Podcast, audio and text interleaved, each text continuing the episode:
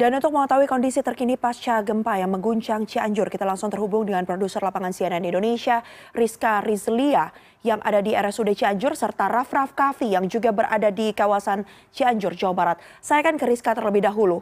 Rizka, sejauh ini ada berapa kemudian jumlah korban yang dirawat di RSUD Cianjur dan di belakang sana saya juga melihat ada banyak sekali uh, kemudian warga yang berlalu lalang. Apakah mereka juga merupakan korban yang tidak mendapatkan ruangan di dalam RSUD Cianjur atau seperti apa kondisinya Rizka?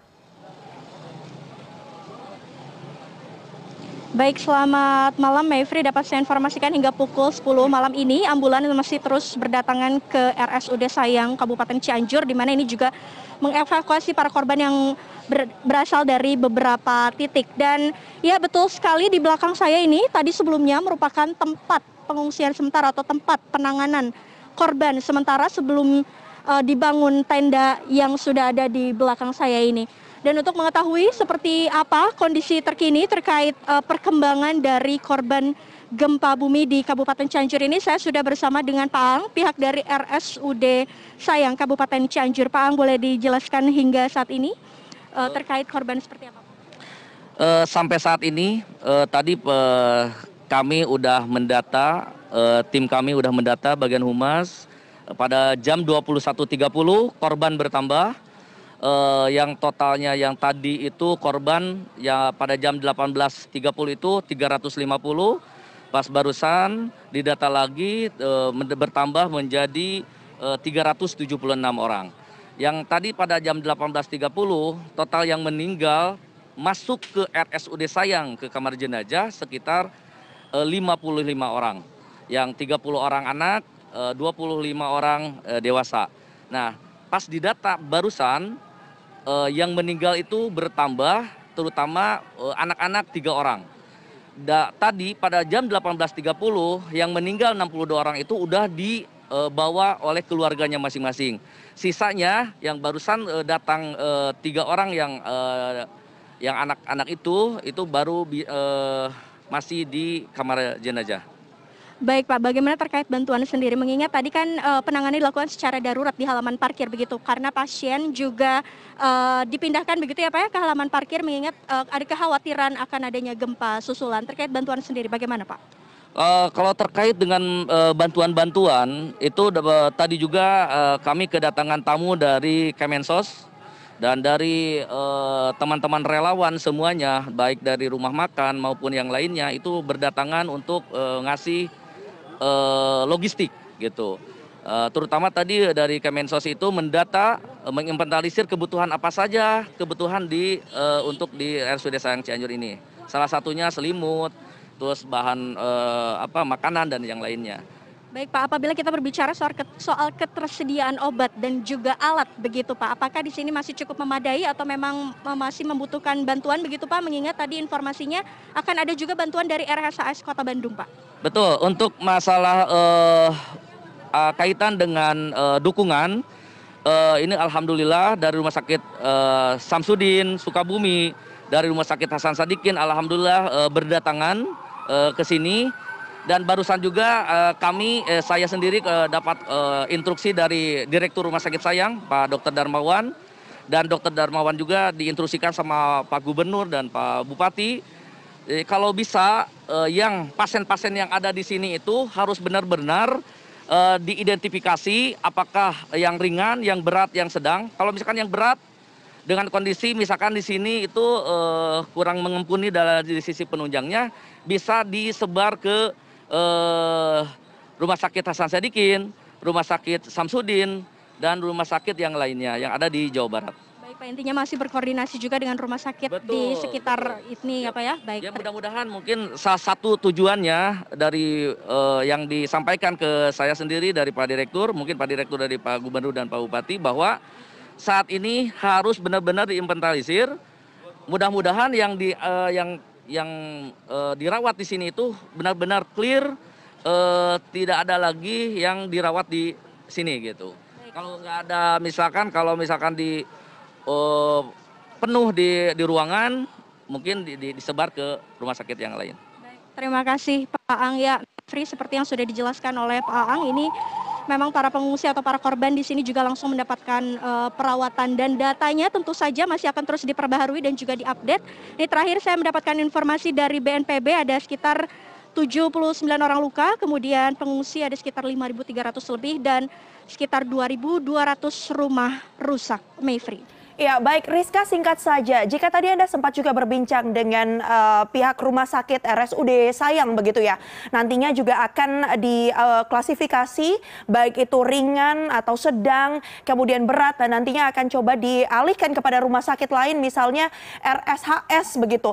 Tapi kalau kita bicara dengan kondisi bangunan gedung dari RSUD Sayang, apakah menurut pantauan Anda ini termasuk dalam kategori yang aman jika memang pasien ini masih dirawat di sana karena kita juga harus selalu waspada karena adanya potensi gempa susulan misalnya atau mungkin eh, potensi-potensi bahaya yang ada seperti di antaranya reruntuhan yang mungkin saja bisa uh, timbul begitu. Silakan Rizka. Baik Mevri, terkait gedung atau bangunan di RSUD Sayang Kabupaten Cianjur ini yang memang juga ada retak-retak di bagian IGD. Ini juga tadi sudah saya sempat konfirmasi ke beliau, ke Pak Ang, terkait bagaimana antisipasi atau bagaimana ke depannya ini untuk para korban dan juga para pengungsi. Namun dari pihak RSUD belum bisa memberikan statement begitu, tapi yang jelas untuk saat ini para pengungsi atau para korban sudah terbagi ke dalam tiga bagian yang ada di halaman parkir dari RSUD Sayang ini. Karena memang tadi sudah dievakuasi keluar semua termasuk para pasien karena khawatir terjadinya potensi gempa susulan. Dan saat ini kondisi para korban atau para pengungsi ini sudah uh, mendapatkan tenda. Jadi sudah dibangun tenda-tenda darurat dari Brimob kemudian dari BPBD dan juga Basarnas. Mengingat juga tadi belum ada tenda di sini dan dikhawatirkan juga hujan begitu jadi tadi sudah dibangun uh, tenda darurat terkait uh, bantuan juga ini yang menjadi uh, fokus bantuan saat ini adalah selimut. Tadi saya sempat berbincang dengan korban bahwa selimut karena memang kondisi saat ini di Kabupaten Cianjur sedikit berangin sehingga para korban dan kerabatnya juga merasakan kedinginan begitu, Mayfrey. Bisa kita lihat langsung di belakang Rizka saat ini juga memang banyak pengungsi ataupun korban begitu ya yang ada di RSUD Sayang ini memang hanya beralaskan uh, terpal saja, tidak memiliki kemudian atap begitu ya di tengah kondisi malam yang dingin. Terakhir Rizka, uh, mungkin apakah Anda sempat juga menyinggung kepada pihak RSUD Sayang terkait dengan jumlah tenaga kesehatan yang memang mungkin ada di sana, apakah sudah dinilai cukup mumpuni atau membutuhkan tenaga medis bantuan untuk bisa juga menangani menangani jumlah korban yang terus berdatangan seperti yang tadi Anda sebutkan?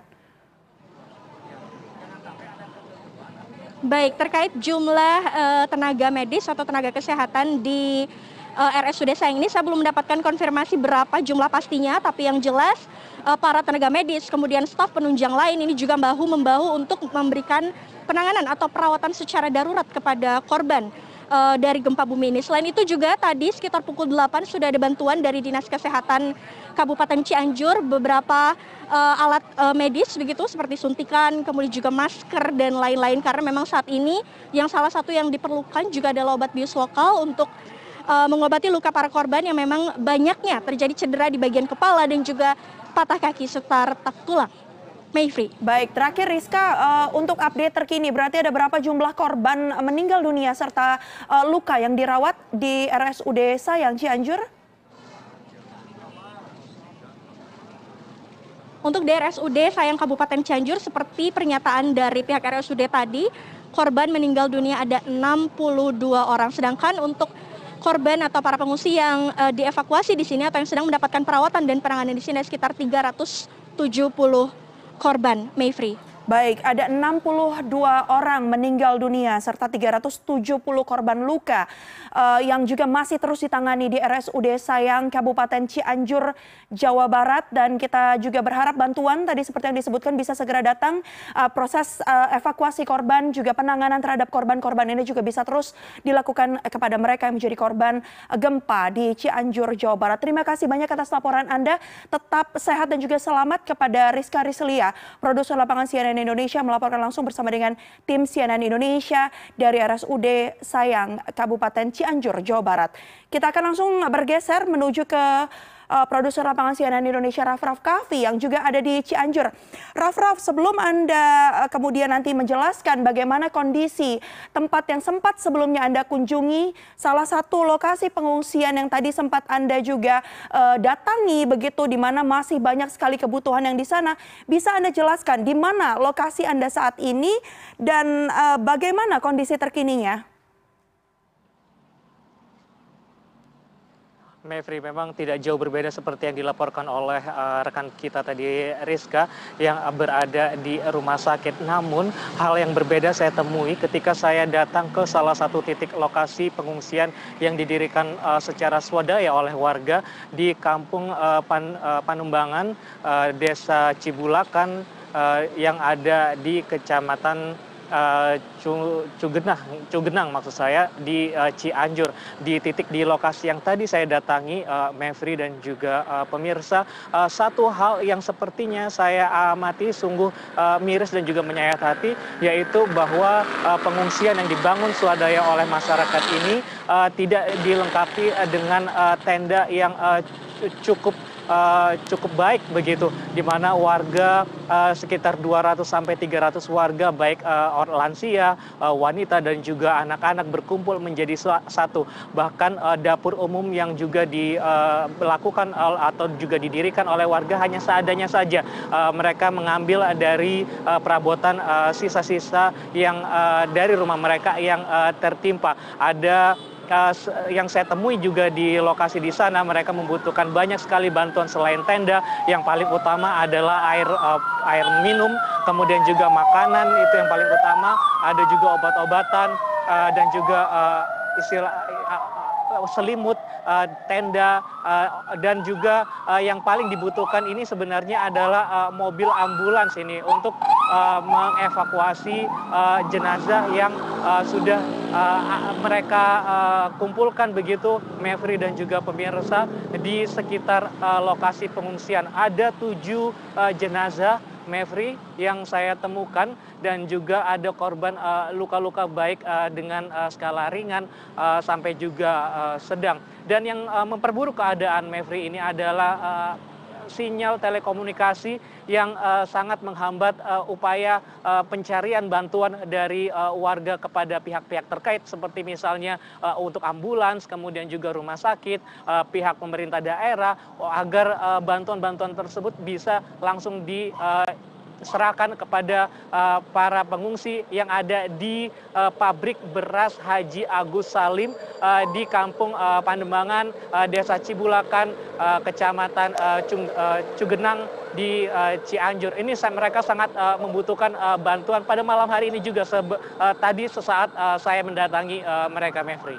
Baik, uh, Jum tadi yang Anda sebutkan ini semoga bisa langsung kemudian menjadi uh, lokasi yang dituju ya oleh pihak-pihak yang harusnya melakukan evakuasi terhadap para korban.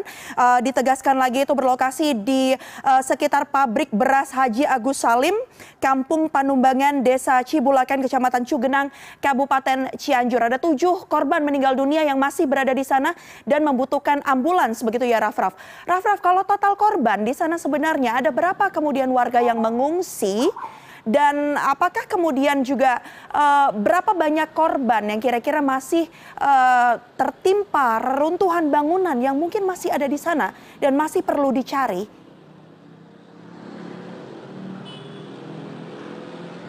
Betul, Mevri. Yang saya datangi baru satu uh, posko swadaya masyarakat itu uh, mereka mengatakan bahwa sudah mengevakuasi sekitar uh, tujuh korban meninggal dunia.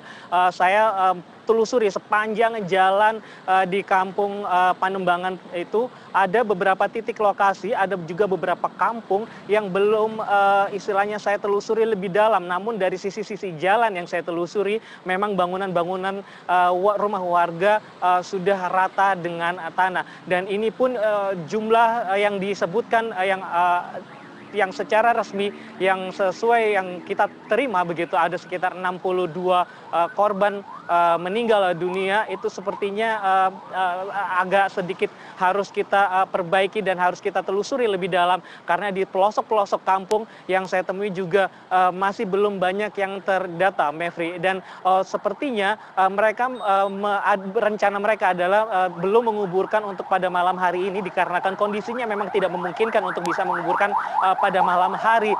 Kemungkinan warga akan mencari waktu terbaiknya akankah esok pagi ataupun juga esok siang begitu mereka baru bisa menguburkan rekan kerabat saudara mereka yang tertimpa reruntuhan rumah mereka pada saat gempa tadi terjadi pada pukul 2 dan mereka uh, Mevri di titik uh, lokasi pengungsian ini juga masih was-was dan juga waspada karena uh, beberapa saat begitu saya datang ada gempa susulan yang terasa yang mereka juga sedikit lebih panik. Namun tentu saja dengan kebersamaan warga mereka juga sama-sama saling menenangkan dan akhirnya bisa melewati situasi semacam saat seperti malam hari ini Mevri dan yang memang paling dibutuhkan uh, Mevri ini selain adalah ambulans juga uh, ini seperti di belakang saya yang seperti Anda dengar uh, Mevri dan juga pemirsa lalu lalang ambulan uh, di sekitar uh, jalan utama di uh, pusat kota Cianjur tepatnya di jalan uh, Insinyur Haji Juanda ini